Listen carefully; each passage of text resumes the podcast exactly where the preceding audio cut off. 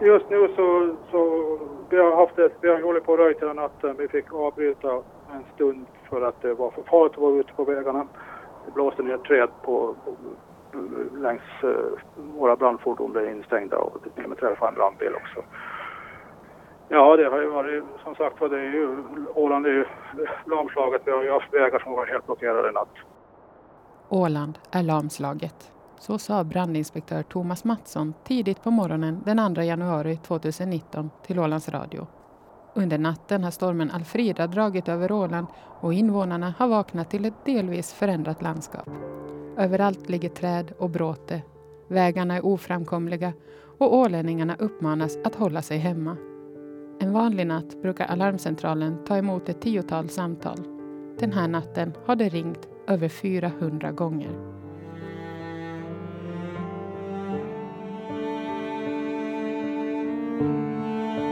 Det som vi däremot vill gå ut med så är ju att försöka hålla värmen i husen så gott det går. Stäng fönster, dörrar, vädringsluckor eventuellt som ni har öppet. Se till att klä er varmt och eh, framförallt ta hand om varandra. Har ni ensamma vänner, släktingar och så vidare. Försök ta er till dem, se om det går. Titta till dem, försök få kontakt med dem och se ifall de behöver någon hjälp. Uppmaningen om att ta hand om varandra sa tillförordnad räddningschef Karl Nordlund som deltog vid en av flera arrangerade presskonferenser under dagen. Redan den 1 januari, dagen före Alfrida slog till, gick meteorologerna ut med en varning för hård vind över Åland. Men väderförhållandena blev betydligt allvarligare än vad prognoserna sa och på vissa håll uppmättes vindstyrkor på 42 meter per sekund, orkan enligt Beauforts vindskala. Träd började falla redan strax efter midnatt och så fortsatte det hela natten. Klockan 04.47 gick det första varningsmeddelandet till allmänheten ut. Karl Nordlund berättar om natten och det efterföljande arbetet. Jag var ledig.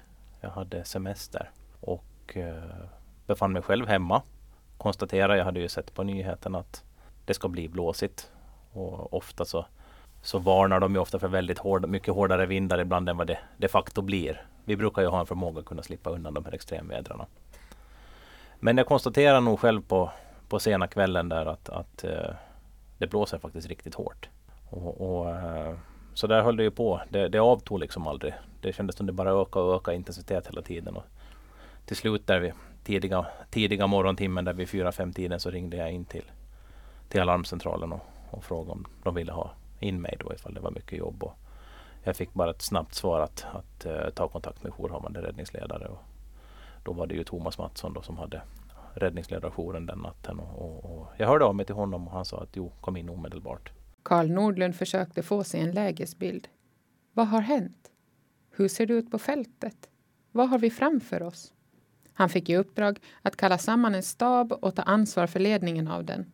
Nyckelpersoner från olika myndigheter kallades in till Räddningsverket där det bildades en ledningscentral som gjorde vad man kunde för att bilda sig en uppfattning om läget. Det var jättesvårt att skapa sig en bild och mycket berodde ju dels på det faktum att vi satt inne på Räddningsverket. Vi hade elektricitet, vi hade belysning, vi hade varmt, vi hade alltihopa. Allt fungerade som det skulle. Eh, men däremot de rapporter som kom in utifrån fältet där man bara ropade att träden föll som plockepinn. Det blev ett sånt här myntat begrepp. Där det, det, såg ut som, det såg ut som ett plockepinn över vägarna och i skogarna. Och, och, och personal som arbetade ute som beskrev det som pistolskott eller kanonskott när träden blåste av uh, fyra, fem meter upp på stammarna och bara flög förbi. Var ni oroliga att folk hade farit illa?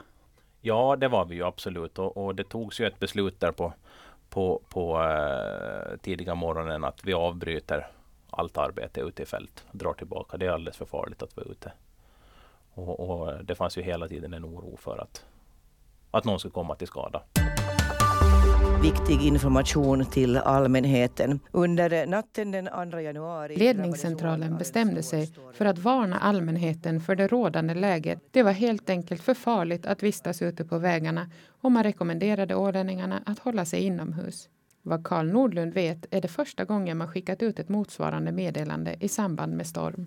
Ja, det är ju som så att vi kan ju inte förbjuda någon att gå ut. Och det här kanske blev, som vi har konstaterat i efterhand, liksom att, att, att uh, vi kanske borde ha varit tydligare på något sätt och sagt att, att eh, vi verkligen reko vi rekommenderar att ni stannar hemma om ni inte har några eh, särskilda saker ni behöver göra så att säga. Vi ansåg i den situation som var där och då att det var förenat med så stor fara att vistas utomhus så vi ville att folk skulle vara hemma helt enkelt. Det föll träd över vägar och liknande hela tiden. Det var mörkt, det var lite snöyra och så vidare. Så därför bedömde vi det som en så, så pass farlig situation helt enkelt. I efterhand vet vi ju att ingen blev direkt skadad under medan stormen pågick. Är inte det ganska otroligt? Det är, jag är förvånad, säger vi. Det är ju flera vittnen av de som har varit ute och jobbat som där träden har fallit så att säga meter ifrån dem. Och, och jag, ja, jag är oerhört glad och tacksam att ingen, ingen skadades under, under själva det här akuta skedet. Tyvärr hade vi ju en, en tragisk olycka där en, en entreprenör omkom i samband med röjningsarbete. Även om det inte var i direkt anslutning till att till exempel någon fallande träd eller så vidare. Men det var oberoende än för mycket så det var jätte, jätteledsamt.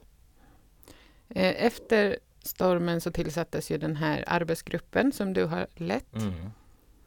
Vad är viktigast då i den här rapporten tycker du som ordförande? Vad, vad var det man direkt behövde ta tag i eller redan har gjort? Jag skulle vilja säga som så att det viktigaste som jag tycker framkom i rapporten så är väl nästan att, om jag får säga som så, att jag tycker att samhälle och ålänningarna och vi allihopa klarar det här förvånansvärt bra. Och det, det ser jag som en viktig, vad ska man säga, en, en, en, en viktig konklusion av det här. För, för eh, jag menar det kunde vara så att vi, vi stod totalt handfallna allesammans. Det fanns ingen beredskap ute bland folk. Liksom, du hade inga sekundära uppvärmningskällor. Du, du skulle bli instängd. Du hade ingen möjlighet att värma överhuvudtaget. Men som sagt var, dels att ålänningarna kunde ta hand om sig själva så otroligt bra och att vi ändå fick en, skulle jag säga, en fungerande ledningsgrupp som jobbar med de här frågorna.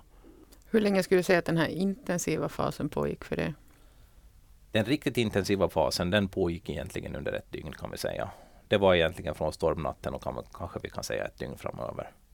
Då var det liksom en fas där vi kan kalla det för räddningstjänst. Då utfördes det räddningstjänstarbete. Eh, jätteprioritet låg på att se till att huvudvägarna var framkomliga, att eh, Eh, räddningsfordon och sjuktransporter kunde ta sig fram ifall någon skulle, olycka skulle inträffa eller någon skulle insjukna akut. Och då vore det ju hemskt om ambulansen inte kunde ta sig fram på grund av att träden låg över vägen. Så mycket planering för, för sådana situationer och, och liksom för att få de här mest basala funktionerna att fungera. Att prioritera till exempel eh, äldreomsorg och så vidare. Att, att eh, det handlar ju om klienter som inte kan ta sig någon annanstans. Så att de är ju där de är och de behöver, de behöver hjälpen så fort som möjligt. Så att det, det, de här inledande faserna, ja, de var, de var rätt tuffa som jag kände det i alla fall, så stundtals så hade man nästan lite dåligt samvete för att man satt och hade det så pass bra. Man hade ju allt man behövde. Det var liksom mat, vatten, värme, ljus, alltihopa. Och samtidigt som man visste att det fanns folk som satt där ute. Eh, dels de som så att säga var, hade mörkt och, och, och, och, kallt och så vidare. Men också de som, de som var ute och jobbade i det här eländet. Och sen kom hem blöta och kalla och hungriga till ett mörkt hus utan värme, utan belysning, kanske utan varmvatten och så vidare. Så att eh, nog kändes det lite orättvist tyckte jag. Nu har det ju faktiskt börjat sakta men säkert mojna lite lätt i alla fall, även om det fortfarande är hårt väder. Ja, och som sagt, jag gick ju eh, till jobbet i morse och eh, blev Strax efter midnatt inträffade ett strömavbrott i Smedsböle sändarstation. Reservkraften slog igång som den ska, men knappt sex timmar senare, klockan 06.11, slutade den fungera och Ålands Radios sändningar över Smedsbölemasten tystnade. Normalt ska reservkraften räcka en vecka. Webbsändningarna kom igång vid halv nio-tiden på morgonen och ljudet var åter tillbaka i eten klockan 09.17 när reservkraften på nytt kom igång. Ålands Radios tekniska chef Alexander Lindberg förklarar vad som hände.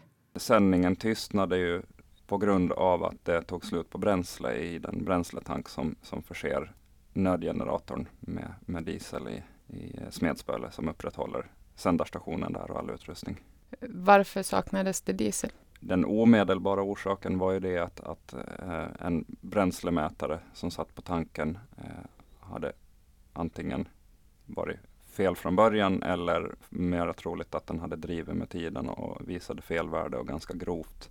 Så att vi, vi hade en stor överskattning på, på hur mycket bränsle som fanns kvar.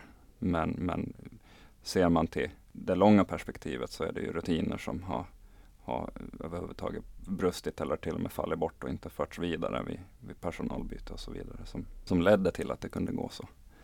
Att egentligen så ska ju det inte bara hänga på en enda mätpunkt för en sån viktig, en sån viktig del. Det brast i rutinerna då. Hur har man sett över dem i efterhand? No, det har skett en ganska stor uppdatering på, på inte bara rutiner utan överlag en översyn och, och reflektering över, över vad det är vårt uppdrag och vilken utrustning eh, behöver ha, hålla vilken standard för att, att kunna minska risken för avbrott och hur ska vi förbättra rutiner så att det, det tittas på alla plan. Men, men framförallt så en av de stora förändringarna är att vi har tagit hjälp då, eller tagit in personal härifrån stan som också har fått och kommer att fortsätta åka ut och i större utsträckning eh, bekanta sig med utrustningen där. Så att skulle det ske någonting med eh, den person som just nu jobbar i Smedspöle, om han är, sjuk eller oförmögen att ta sig dit så ska det inte, ja, det ska inte få kunna ske en katastrof som bara står och, ingen vet vad som händer utan den här kunskapsspridningen så har vi nog ökat på. Men också titta på hela liksom, kedjan och försökt identifiera svaga punkter. Är givaren bytt?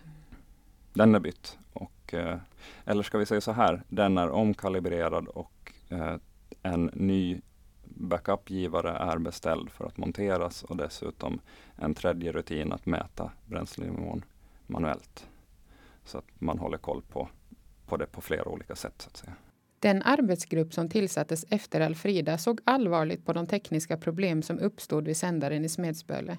I sin slutrapport skriver man att man utgår från att Ålands Radio vidtagit åtgärder för att höja säkerheten och att man säkerställer rutiner för utfärdande av varningsmeddelanden. Två av tre nödmeddelanden hann gå ut i etern före sändningarna slocknade. Gruppens ordförande Karl Nordlund säger att man har fått önskad återkoppling från radion. Det är ju en jätteviktig kanal för oss att sända ut nödmeddelanden på. Hur kändes det när, när det inte funkade för er del? Ja, det var ju en viss förtvivlan kan vi ju säga i och med att det, det som sagt var det är ju den primära kanalen som, som eh, de här nödmeddelandena går ut på. Det är klart att det var, det var förtvivlande men det var inte så jättemycket vi kunde göra just då utan det var ju bara att se till att få, vi får igång det här igen nu och så kör vi vidare. Det är ingen idé just då att gräva ner sig i det utan absolut allvarligt men vi måste vidta åtgärder sen. Jag känner att jag har fått återkoppling under arbetet med arbetsgruppen från Smedsböle och radion att det tycker jag. Det tycker jag absolut. Och det, det är liksom det här, den kritiken vi, vi har framfört. Så den är framförd och, och, och eh, jag ser ingen anledning till att vi ska behöva tjata vidare. Man vidtar ju åtgärder och jag tycker att det, det räcker bra som nu. Ålands elandeslags 3300 kilometer långa elnät slets i spillror under stormnatten.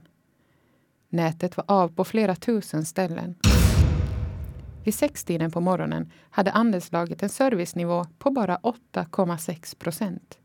Över 14 000 abonnenter saknade el. VD David Karlsson anade redan kvällen före att natten skulle gå i arbetets tecken. På kvällen då så såg vi att det skulle bli busväder och, och när jag satt hemma så såg jag också att linjerna löste så jag får inte kontrollrummet och skulle hålla personalen lite sällskap och diskutera och se hur det skulle ut, utveckla sig.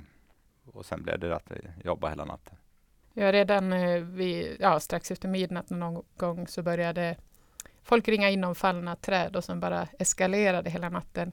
Ja. Va, vad såg ni där på skärmarna? Ja, på skärmarna ser man ju egentligen bara eh, ellinjerna, vilka som är i drift och inte är i drift. Och de föll ur en efter en och vi försökte med personal att, att begränsa fel, felställena och, och sektionera elnätet. Och ursprungsplanen var att vi skulle sektionera under natten och, så att det skulle vara färdigt på morgonen att börja reparera och, och, och de linjer som då hade löst. Men det där arbetet, hela den natten var ju förgäves eftersom det föll mera träd och, äh, än vad vi hann liksom koppla bort. Så linjerna löste kontinuerligt och till slut så var det ingenting kvar. Vad var känslan då? Ja, förtvivlan. Fick du fatta några beslut där på natten om att hålla linjemontörerna inomhus? Ja, vi avbröt arbetet på natten. Det, det, var väl eh, ett av de viktigaste besluten var ju att avbryta och, och ta hem personalen från fält. Eftersom det blev för farligt att vara ute. I de här tidiga intervjuerna som gjordes så fanns det förhoppningar om att alla skulle få tillbaks elen samma dag, följande dag möjligtvis. Men sen ju fler intervjuer som gjordes desto värre förstår man att det var. När började ni själv förstå allvaret? På eftermiddagen så börjar man inse sakta mak att det här, det här kommer bli tungt. I och med att vi såg att redan eh, delar av Godby fortfarande var strömlöst då och, och prognoserna där liksom bara drog ut på tiden. Då, då börjar man förstå att eh, ska vi hålla på så här så kommer det här att ta jättelänge. Så småningom så började ni kalla in folk utifrån. Vad berodde det på? Ja, vi insåg ju sen att eh, efter ett tag att det här kommer vi inte att, att reda upp med egna resurser, att det är för övermäktigt. Och då började vi leta efter resurser i Finland och Sverige. Har det hänt förut? Nej. Vad betyder det för, för er och för de som var utan ström, tror du, i tid och arbetskraft? Jag har sagt att, att om vi inte skulle fått hjälp utifrån från någon, så då skulle det nog ha tagit till julen innan alla hade ström. Det är så pass alltså? Absolut. Hur länge tog det i slutändan då innan det sista? Ja, efter tre veckor hade ju de flesta ström. Men sen finns det ju sommarstugor på Holmar och annat som vi har kommit överens med kunderna att måste vänta. Det blev ju också men för att vi inte kom ut till, till Holmar. Uh, och vissa av kundernas uh, byggnader var så skadade att det inte gick att koppla in elen tillbaka. Och, så det är svårt att säga. Hur gick kommunikationen sen i som sagt tre veckors arbete? Hur orkade de och hur orkade du?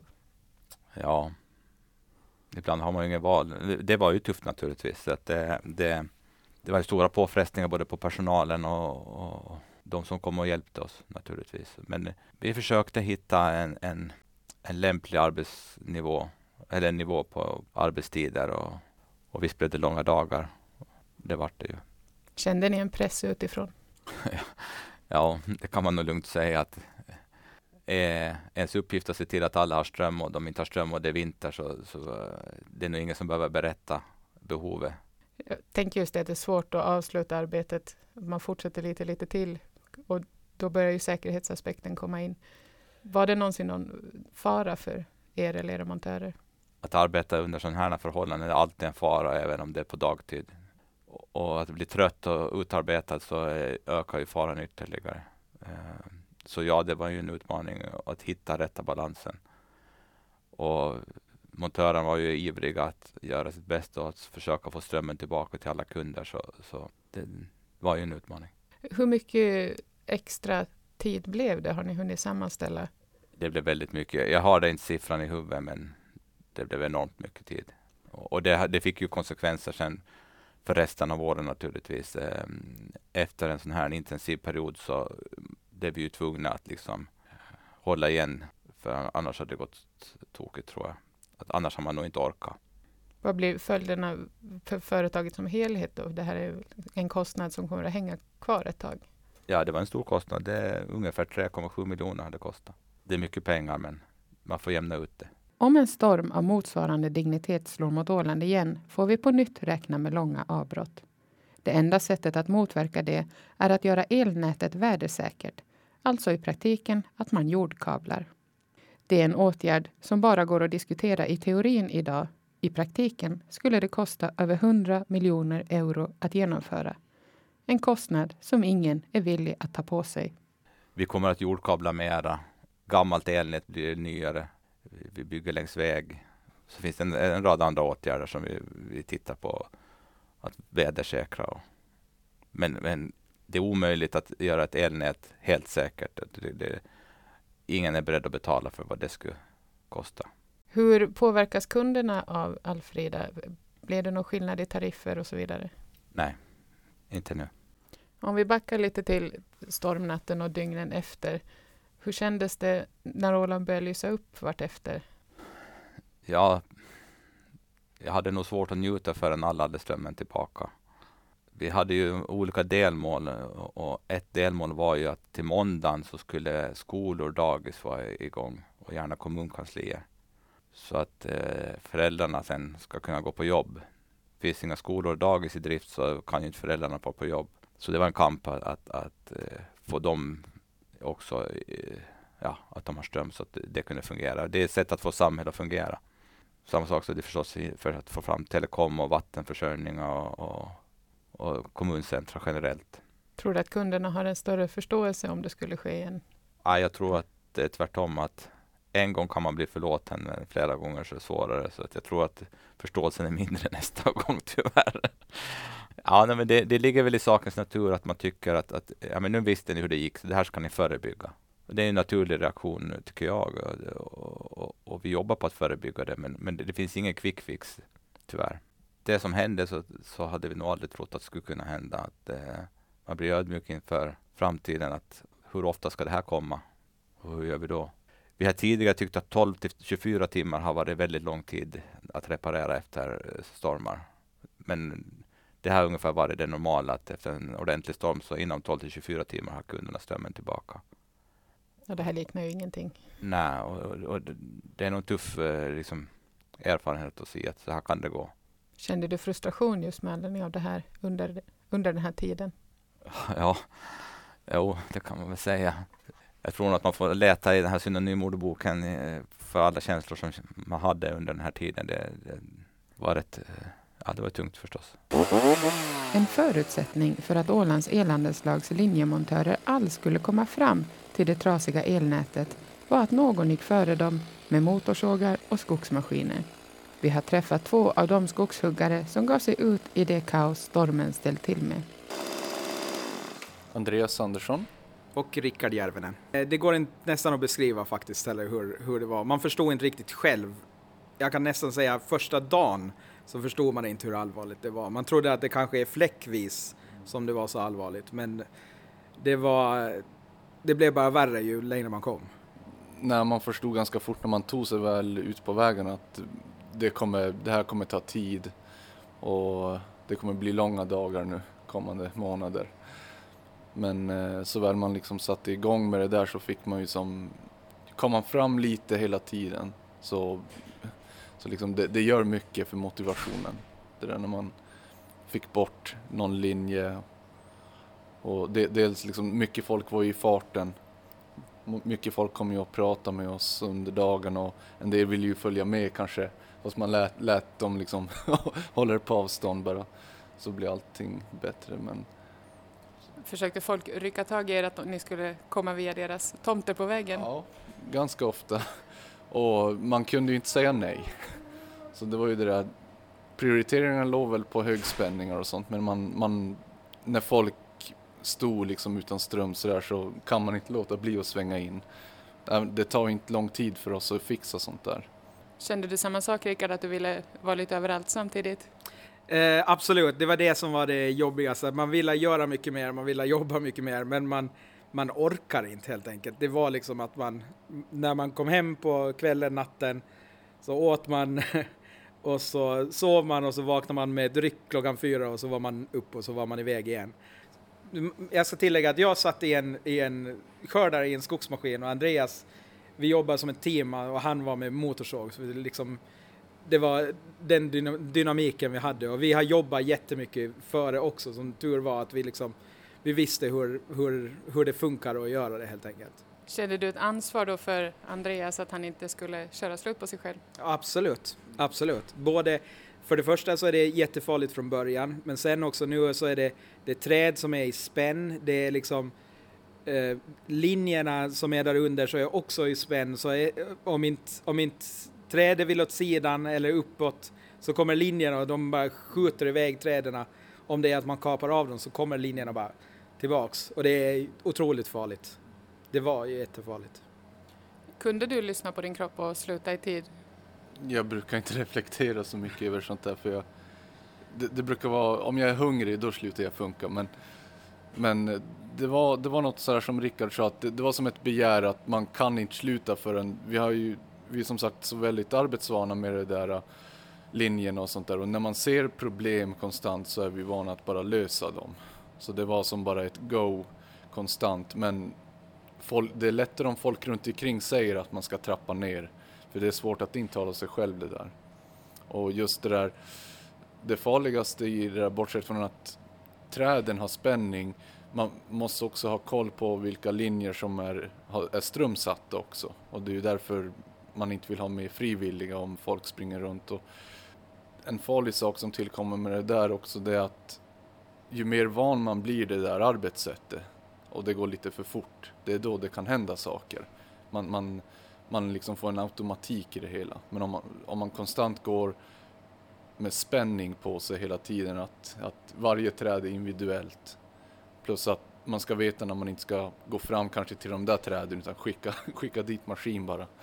Guida honom så mycket som möjligt och det var väl det som gjorde att vi kan, kanske fick ganska mycket gjort första dagarna för att det var inte mycket motorsågsarbete första dagarna. Det var bara liksom att försöka, även om man ville hoppa in dit så var det bara att låta maskinen göra det värsta först. Just det här att ni hela tiden jobbar mot tiden så att säga, det låg träd överallt. Var det frustrerande? Otroligt frustrerande, otroligt frustrerande för att man, man vill göra så jättemycket mera. Jag vet att när jag första morgon var inte till elandeslaget så såg jag deras de här skärmarna där allting blinkar rött. Och då så var det någon som poängterade att om det är tusen personer utan ström så då är det katastrofläge här. Nu var det möjligtvis tusen personer med ström. så det var, det, var, det var jättejobbigt. Det var jättejobbigt. Men eh, det som var skönt också, det var på kvällarna när man, när man får hem så oftast får man in via kontoret på elanslaget och då kunde man se att en linje som, som vi kanske 24 timmar före, som det egentligen bara varit smulor, det fanns inte stolpar kvar, det fanns inte, det fanns inte trådar kvar, det fanns inte, ibland att transformatorerna ju 10-20 meter någonstans. Då så såg man när man kom in på kvällen, speciellt där i norra Norrby i Lämland där, så då så hade vi varit 24 timmar före och, laga, eh, och ta, huggit bort skog. Nu, och då på 24 timmar hade de satt upp stolpar, nya linjer, transformatorer och då så provade de slå på ström dit. Så det, då är det en skön känsla att gå och lägga sig sen. Då är man nöjd. Då är, då är man glad helt enkelt. Ja, hur kände du? Du var där när den slogs på? Alltså. Var jag, jag, var, jag stod bakom och såg på deras skärmar när de provade slå på strömmen för att se att det skulle hålla. Så det, det var en skön känsla. Det var jätteskönt. Hur eh, länge var ni i skogen då? Men ett snitt var väl säkert någonting mellan 14 16 timmar om dagen ja, åtminstone. åtminstone. Jag, jag, jag tittar lite, jag tror att vi i, i, i stort sett så jobbar vi på en månad så jobbar vi två månader. Och så höll vi på en och en halv månad, sen tror jag att vi började trappa ner för man orkar inte helt enkelt. Vad var det som drev er så länge till så långa arbetsdagar? Ja, att folk inte har ström är en ganska bra motivering. För eh, jag var själv utan ström hemma och jag eh, sa åt min nuvarande fru, då sambo, att nej, vi tar eh, jag orkar inte sköta om huset också när jag kommer hem utan vi flyttade till svärmor och svärfar istället gjorde vi till Jomala. De hade ström så kunde jag inrikta mig på att jobba istället. Har du något särskilt minne som har etsat sig fast från de här mest intensiva arbetsdagarna? Det var just, just i Lämland så har, har jag ju varit väldigt mycket där och nästan på alla vägar sedan innan, innan stormen. Så jag var ju alltid före Rickard, men ibland kom man till ställen och det var inte trötthet som gjorde men man, man, var helt disorienterad för att där det har funnits skog fanns det ingenting. Det fanns ingenting att liksom ta ett landmärke efter. Man hittade inte vägar, man fick bara gå, följa linjerna, men när linjerna inte fanns längre så visste man inte riktigt hur man skulle guida honom och, det, det, och sen när det kom snö på sånt där så det, det är ganska otroligt hur disorienterad man kan bli efter en sån där sak. Plus eh, lite, lite utmattning på det och sent på dagarna men ganska förvånad ändå att allting gick så himla bra som det gjorde. Det handlar nog bara om tålamod, sunt förnuft och liksom ingen, ingen hård stress från folk runt omkring helt enkelt. För de vet vad som har hänt och de, de vet att vi gör så gott vi kan. Förutom bilden av ett totalt förändrat skogslandskap har skogshuggarna många starka minnen av olika människomöten. Rickard Järvinen berättar om den gången han med sin skogsmaskin befann sig på en liten byväg i en landsortskommun. Klockan var bara halv fem på morgonen när han mötte en äldre man som oroligt undrade när strömmen skulle komma tillbaka. Då hade strömavbrottet pågått nästan en vecka. Och då vet jag att just den där linjen så var en sån där det, det var egentligen bara smulor kvar. Alltså det, det, var, de var i sista ändan, de var inte så många hus och det kanske inte egentligen då kanske var så jättehögt prioriterat just då. Men han berättade att hans fru var, var sjuk och då har vi också liksom fått eh, att om vi vet av någon som är utsatt så, ska de, så försöker de då fixa den här strömmen lite snabbare, elen. Och då hade det i misstag så hade det kört, då hade de här lagerkillarna, de behövde inte den men de hade kört ut en, en det var inte misstag, men de hade kört ut en, en extra, en transformator extra. Och det visade sig att den här transformatorn hade just, just gjort ett sånt här litet hopp ut i skogen så den var, den var inte användbar. Men då lyckades de, eh, då var vi dit, först så plockade vi bort på högspänningen och sen på lågspänningen. Och där var det också, jag tror det var mindre än ett dygn så hade de el där också. Att det, det var liksom omständigheterna som gjorde att det gick så bra för, då, för elkillarna att komma dit. Och just när det är någon som är sjuk och det, efter några dagar blir det jättejobbigt också. Det går att hålla saker och ting varma och det går att klara sig med mat men sen blir det jobbigt. Och eh, det tyckte jag, då var det, då var det jätteskönt. Ni mötte på stor förståelse verkar det som bland folk. Vad, vad kom de och sa då när, ni, när du stod där och sågade? Nå, första frågan var ju oftast när vi blir klara. när får de el? Men vi sa ju som det var att vi vet absolut inte att det går ju framåt hela tiden. Det, de, jag vet, folk hade nog ställt in sig ganska bra på att det kommer ta ett tag det här. Även om man kunde höra på radio ibland att förhoppningsvis kanske så här många tusen får tillbaka strömmen. Men sen när man står där under linjen och hör det så tänker man att det här, in, nej, inte en chans. Så då tänker man bara, vad kommer det där göra på motivationen för folk? Men jag märkte aldrig några liksom, sämre attityder och sånt där. Och, och, när de här från Sverige och Finland kom och hjälpte till så blev ju de också väldigt väl omhändertagna av bybor och folk. Så det, det är ganska uppskattat.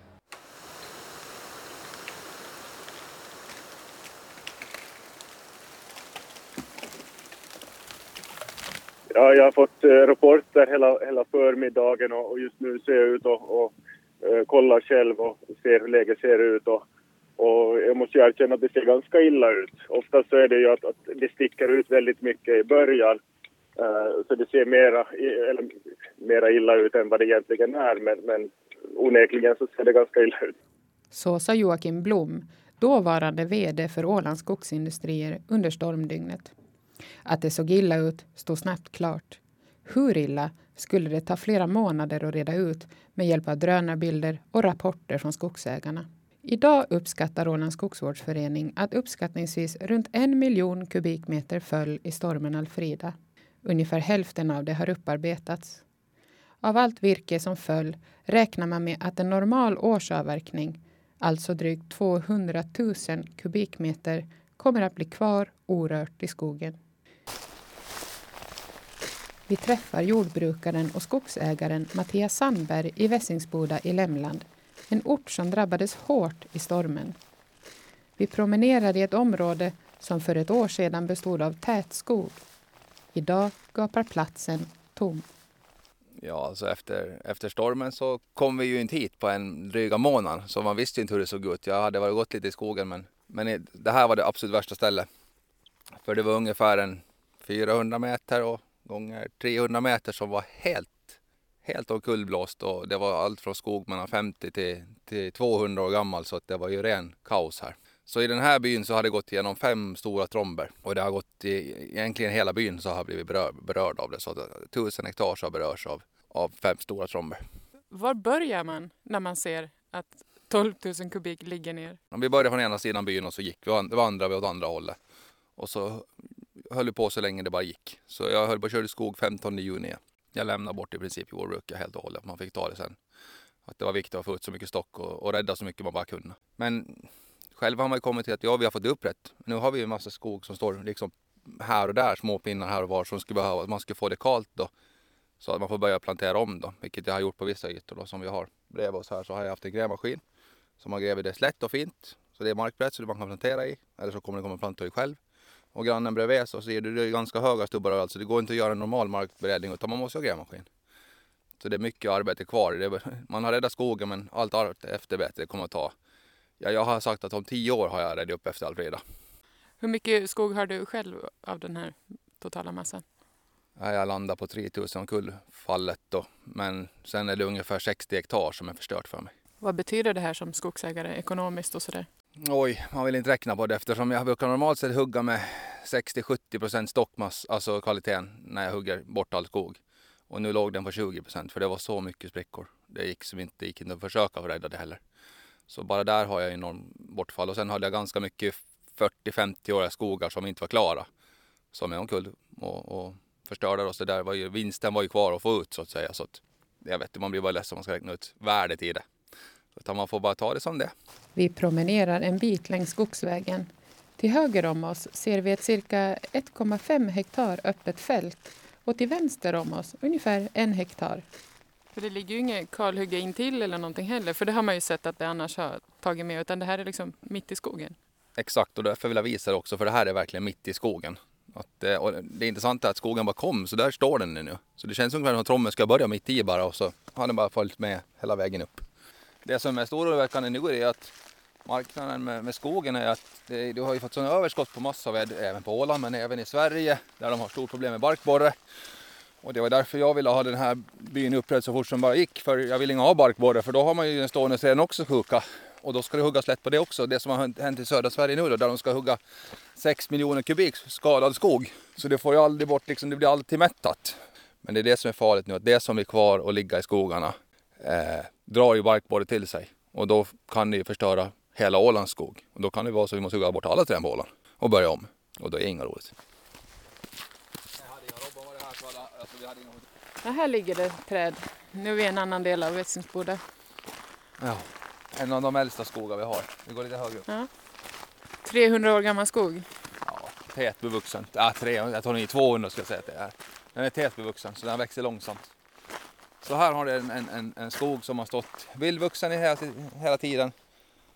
Och den är ju inte så vacker. Och den här är ju oupprädd då. Det är de här kännspaka rotvältorna, det ligger, ja, det ligger som plockepinnar, en mängd. Och det var så här det såg ut överallt. Och det är så mycket spänning i där. Så nu när vi har börjat jaga här på hösten så jag undviker alla våra skogar där vi har kvar. När det ligger smått och gott. Bara för jag vill varken för hundar eller för, för djuren eller för oss människor att det ska hända någonting. Utan vi jagar där det är upprätt. Och så tror jag de flesta tänker. Mattias Sandberg säger att det tog länge att förstå omfattningen av vad stormen hade dragit med sig. Han beskriver sig själv som en handlingens man och satte sig direkt i arbete. Men han säger att det för andra har varit svårare. Jag tror att vissa reagerar, jag tror att alla reagerar olika tror jag. Vissa tror jag fick panik, att kände att herregud, det här kommer aldrig att bli någonting. Och, och vissa känns jättenedstämda och var ska man börja och hur ska man orka? Och... Men eh, på något sätt sen så, ja, jag är alltid en sån som jag vill ha det gjort. Så jag vill, har vi det gjort. så att i, i det läget resonerar man inte att herregud, det här kommer att kosta jättemycket. Utan det, det tror jag bara kommer att landa in efter Ja men typ på eftermiddagen då när man hade fått ut de flesta och det mesta var upprätt längs vägen. Då var man runt och tittade första gången och så tänkte man att oj. Men fortfarande kanske man inte förstod hur mycket. Men jag var ju med i en radiointervju redan då och då, då räknade jag ut att det var väldigt mycket av våra procenter här som var bortblåst. Eh, och så pratade vi såklart i telefon mycket med andra med hur det, hur det såg ut på övre Åland. Och det var då man började förstå att det här kommer att ta tid och att det inte kommer att gå. För det, var ju, det visste ju alla att det, alltså, de, de gjorde ju allt de kunde men de skulle ta emot en miljon men alltså fem år på, på ett halvår för det skulle ju inte i juni. Nej, det visste man inte så det gällde ju att vara snabb i vändningarna och ringa till skogsbolaget och säga hallå nu hugger vi fram det här vi kommer att leverera tusen kubik om ett par veckor. Alltså, liksom, det var ju så man försökte göra, att man hamnade först i kön, att man inte skulle hamna sist i kön. Hamnade man sist i kön så var man rökt. För det var ju klart att de gjorde så att de tog det där det, var, där det fanns värde för, för dem själva och lättåtkomligt från början och så fick de också börja. Men det var mycket planering för dem också såklart. Tror du att det har sjunkit in för dig på riktigt ännu, vad som hände den där natten? Nej, för jag har fortfarande inte lagat alla grejer som är sönder. och det vet jag, det är, jag vet jättemånga som har små grejer som ligger ogjorda och det, det tog hårt på psyket på många, på många alltså. Det, det, först hade du torkan i jordbruket. Eh, den, den tog ju hårt på jätte, jättemånga. Det, det var folk som fick köpa foder för tiotusentals euro för att få, för att överleva djur och så vidare. Så det nödslaktade och etc. etc. Och så kommer en storm och blåser bort portar och hustak och ja, all, all möjlig oreda och skogar då. Och så ska man börja reda upp efter det också. Så att ja, det, är, det är nog många som har haft det tungt psykiskt tror jag. Det, allt handlar om ekonomi och överlevnad och allting har man har ju en plan. Man har ju en plan när man tar ett lån på till exempel en traktor för att då vet man att ja, men det här ska huggas, det här pengar kommer komma in ungefär och så vidare. Och, och jordbruket ger det här i avkast ungefär varje år då. Så kommer en torka och du får noll i princip. Och går back så bara visslar om det. Alltså det, det var många hårda slag. Man tänker på dig personligen. Hur rubbas dina ekonomiska cirklar här framöver så att säga med anledning av det här? Hur mycket liksom, har skogen funnits i, i din årliga budget? Rejält. Eh, det, det, har varit faktiskt det som har bärit mycket annat sista åren när det har varit tungt på många andra saker. Så det, det har varit en, en bra grej att ha kvar va, i bakfickan. Att om, om det behövs så kan man alltid gå och ta ut det man behöver och så, så jobbar man vidare därifrån. Men eh, som sagt, jag har fortfarande kvar som ska räddas upp så det kommer att komma in ändå i, i fem, tio år framåt. Så att på det sättet så är det ingen fara. Ålands Radio startade tidigt hashtaggen Hjälp i stormen. Där kunde folk genom sociala medier erbjuda och söka husrum eller hjälp med att ladda elektriska apparater, få varmt kaffe och andra förnödenheter. Många erbjöd också hjälp med röjningsarbete medan andra tipsade om offentliga lokaler som höll öppet för dem som gick mot ytterligare ett dygn utan ström. Också en Facebookgrupp startade senare under samma namn. Alla vi talat med inför den här dokumentären har varit oerhört tacksamma för den hjälp som erbjöds och påtalar att samhället verkligen slöt upp för varandra.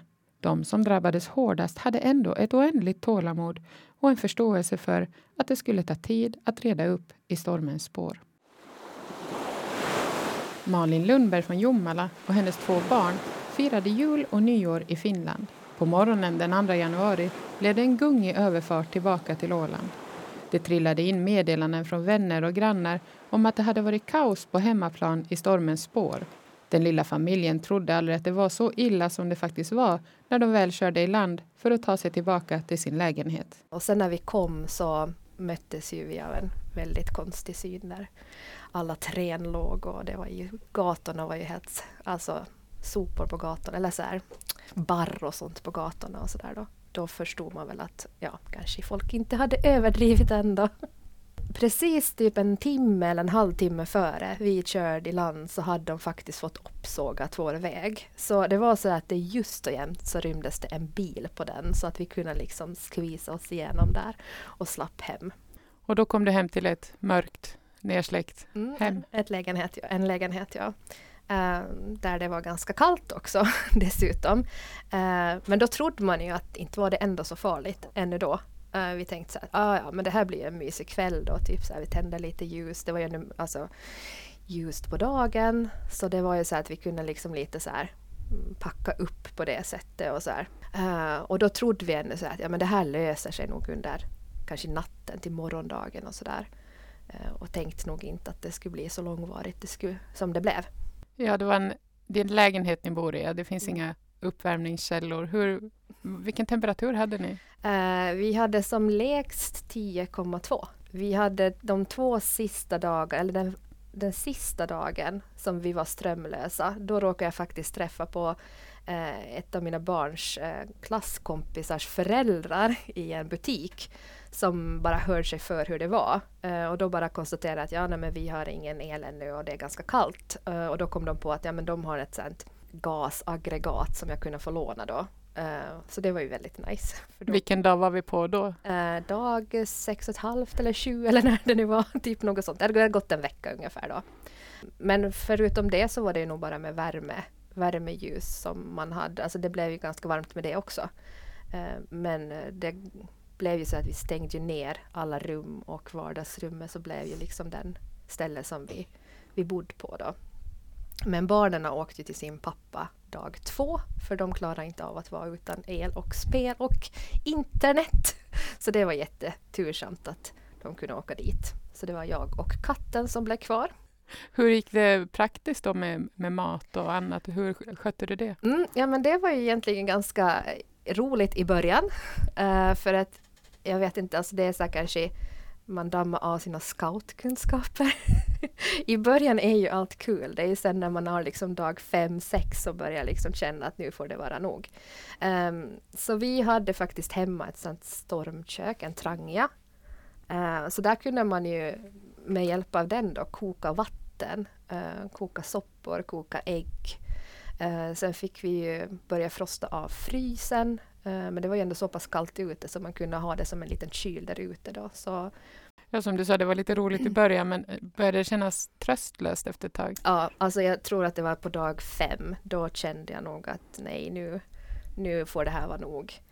Uh, och då hade jag ändå, jag var på jobb under den här tiden, så jag passade på mycket där att uh, på jobbet kunna liksom typ duscha eller sådär.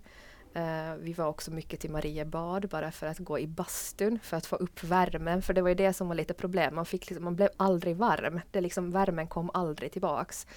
Eh, så man blev ju liksom så kall in i märgen. Så det var ganska bra just att åka till, till Mariebad och basta lite. Eh, sen vet jag, eller sen var jag också mycket så här på frivillig uppdrag för jag tänkte att det, jag behöver också lite så här bland annat på jobbet så, så hade vi öppnat upp skolor för att folk skulle kunna komma dit och ladda telefoner eller duscha eller bara liksom värma sig eller koka lite kaffe och te och sådär. Eh, och det var ju jag också egentligen i behov av så det passade bra. Det blev en sån win-win situation så jag kunde lite jobba, jobba med det då tillika som jag kunde ha möjlighet att duscha och ladda telefoner. Hur kommer det sig att du stannade i den här lägenheten fast det blev kallare och kallare? Fanns det du hade ingen tanke på att försöka tränga dig in någonstans hos någon ja. bekant eller släkt? Det där är en bra fråga. Alltså jag funderar själv på varför jag gjorde för det. Det var extremt många som erbjöd sig. Uh, ja men vi har plats, du kan komma hit och sova och sådär. Men kanske jag kan skylla på min katt. jag vet inte, det var en katt som inte jag visste vart jag skulle lägga om, om jag ska ha åkt bort. Uh, sen så tror jag att det kanske kom lite så här en finsk sisu i mig och bara så här, men tusan det här ska jag klara av. Sen är det också, det är inte bara det att ta sitt pick och pack och liksom bara åka någonstans om du har hela huset, du vet inte om det är ström eller inte liksom och när ska du komma tillbaks och du ska på jobb och sådär. Så det bara kändes att nej men det här, det här klarar jag av. Men som sagt, där vid dag fem så då börjar man känna kanske lite att nu börjar hoppet sina. Men jag vet inte riktigt varför det var. Det, kanske för att jag är envis i grunden, kanske jag bara skulle klara av det. Eh, och som sagt eftersom jag visste att barnen kunde vara hos sin pappa då så kände jag också att det var bara jag själv som, som behövde fixa det här. Och, och jag kunde ju sova, jag kunde laga mat och det var ju liksom bara kallt. Det var ju bara det som var det liksom negativa. Hur kändes det när ljuset kom tillbaka? Åh, ja. Eh, det går inte att beskriva riktigt. Uh, vi hade konstaterat att det var så jätte, jättemörkt, alltså inte bara det där att det var mörkt i lägenheterna, men när allt försvinner, allt ljus i en by, alltså gatulampor, allt sånt, det blir ju extremt mörkt, alltså jättemörkt. Uh, och sen när det liksom blev ljust och man också när man typ körde på de här byvägarna och bara såg att det lyste i allas fönster, alltså det var helt otroligt. Det var en jättefin känsla faktiskt. Eh, sen efter det så behövde man ju börja röja upp och reda i det där och det var ju kanske inte så jättekul. Vi hade ju som sagt varit då borta en vecka, en och en halv för att fira jul och nyår i fastlandet. Eh, det var en period där som jag behövde göra ett upprop på Facebook om någon kunde låna ut sin bykmaskin till mig till exempel. Um, för att vi hade inte liksom baskläder kvar och, och det liksom det där allt fanns ju kvar sen. Det var en frys som liksom behövde fyllas på. Ja, det var mycket att reda efteråt.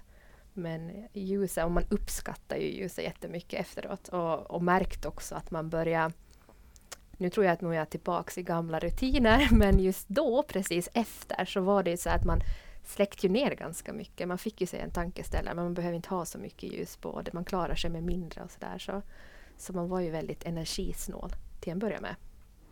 Klarar du av att ha tända ljus efter Alfrida? Jo, jo, men det tog nog väldigt länge och sen också den här lukten av typ så här bränt gas. Uh, ja, det var kanske inte världens bästa. Uh, sen vet jag också när jag köpt ljus, det gick ljus ganska mycket.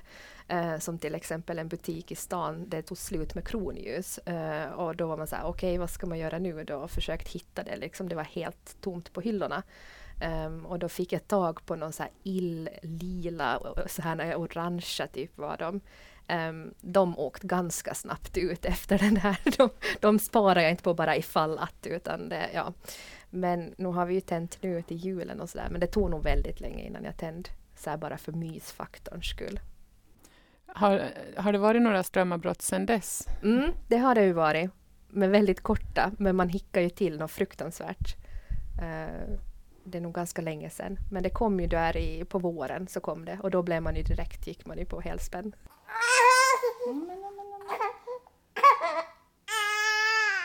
Bebisen vi hör är sju veckor när vi träffar honom och hans mamma Daniela Back i hemmet i Sund. Han symboliserar att stormen inte bara drog med sig kaos på sin väg utan det föddes bokstavligen något gott ur den. För nio månader efter Alfrida föddes Alfred. Alfred har ju varit ett sånt här namn som har hängt med från när vi fick storebror då, som är tre år. Så att det, det, har varit ett namn som har funnits sedan tidigare med i namnplaneringen eller namnidéerna. Så vi pratar ju mycket om, alltså, kan vi, kan vi faktiskt? Vi kan ju inte döpa honom till Alfred nu, för då tror ju alla att det liksom är bara därför. Så att, men, men sen så, klart vi kan. Klart vi kan. Det är ju ett fint namn och, som vi tycker om. Och, och sen är det ju lite roligt att, att det liksom det passar ju bra ihop med, med Alfrida då eftersom att det var liksom tack vare Alfrida som vi, vi fick lilla Alfred. Det är nog lite med humor också. Att det, det, det passar ju så bra in i, i händelserna. Familjen Back, som då bestod av fyra barn under åtta år och två vuxna, var utan ström i åtta dygn. Deras lågspänningslinje var den sista i deras område att repareras och när mamma Daniela tappade modet höll barnen ändå igång. För mig var det ju jättejobbigt när man var så handikappad, man kunde inte göra någonting. Men de tog det med med ro, de hade ingenting emot att äta smörgås till frukost och lunch och middag och yoghurt och sådär. Utan själv så vart man ju som sagt lite, man vart lite less. Det tog länge innan jag åt yoghurt igen kan jag säga. och tände levande ljus, det har jag nog inte heller gjort. På, eller det, det var det, det tog länge innan det var mysigt igen. För att det, det, och när det var, det kändes som det aldrig var ljust när det var, jag menar i början på januari. Det var ju konstant mörkt. Så äh, det var, det tog nog på krafterna. Man följde ju med då vad som sades i tidningarna och på Facebook och sådär. Ja men första budet var ju att två, tre dagar sen skulle alla ha, ha ström igen. Så man var ju sådär, ja men okej okay då, men, men snart kommer det. ju. så, så där tänkte du ju varje dag, så när det hade gått fem, sex dagar så tänkte man att nej, nu, vi får vara inställda på att, att det tar två veckor, för att det var lite det budet vi fick när vi ringde och frågade också. Och, och då var man ju så här, nej men att ska vi vänta så länge måste vi flytta någon annanstans under tiden. De beslöt sig ändå för att fortsätta bo hemma. Det blir lättast så när man är en stor familj. Det nybyggda huset höll värmen bra och de erbjöds varm mat och tvättmöjligheter hos grannar, vänner och anhöriga. Så de kämpade på i mörkret som till slut blev vardag med kreativa lösningar som batteridriven julgransbelysning fastklämd som ledljus runt hela huset. Jag hade pannlampa hela tiden på för det var hela tiden mörkt. Och jag kom ju på mig själv att komma till dagis med har kört med, med den i bilen på och kommit liksom med den på, den lyste över fullt där. Att, den hade liksom växt fast där på något vis. Man var inte medveten om liksom att man var, var någon annanstans. Så den bara liksom, ja, ja, det kan hända att jag har farit till affären så, men jag vet inte. Det var, var sådana knäppa saker som, som, som, som hände.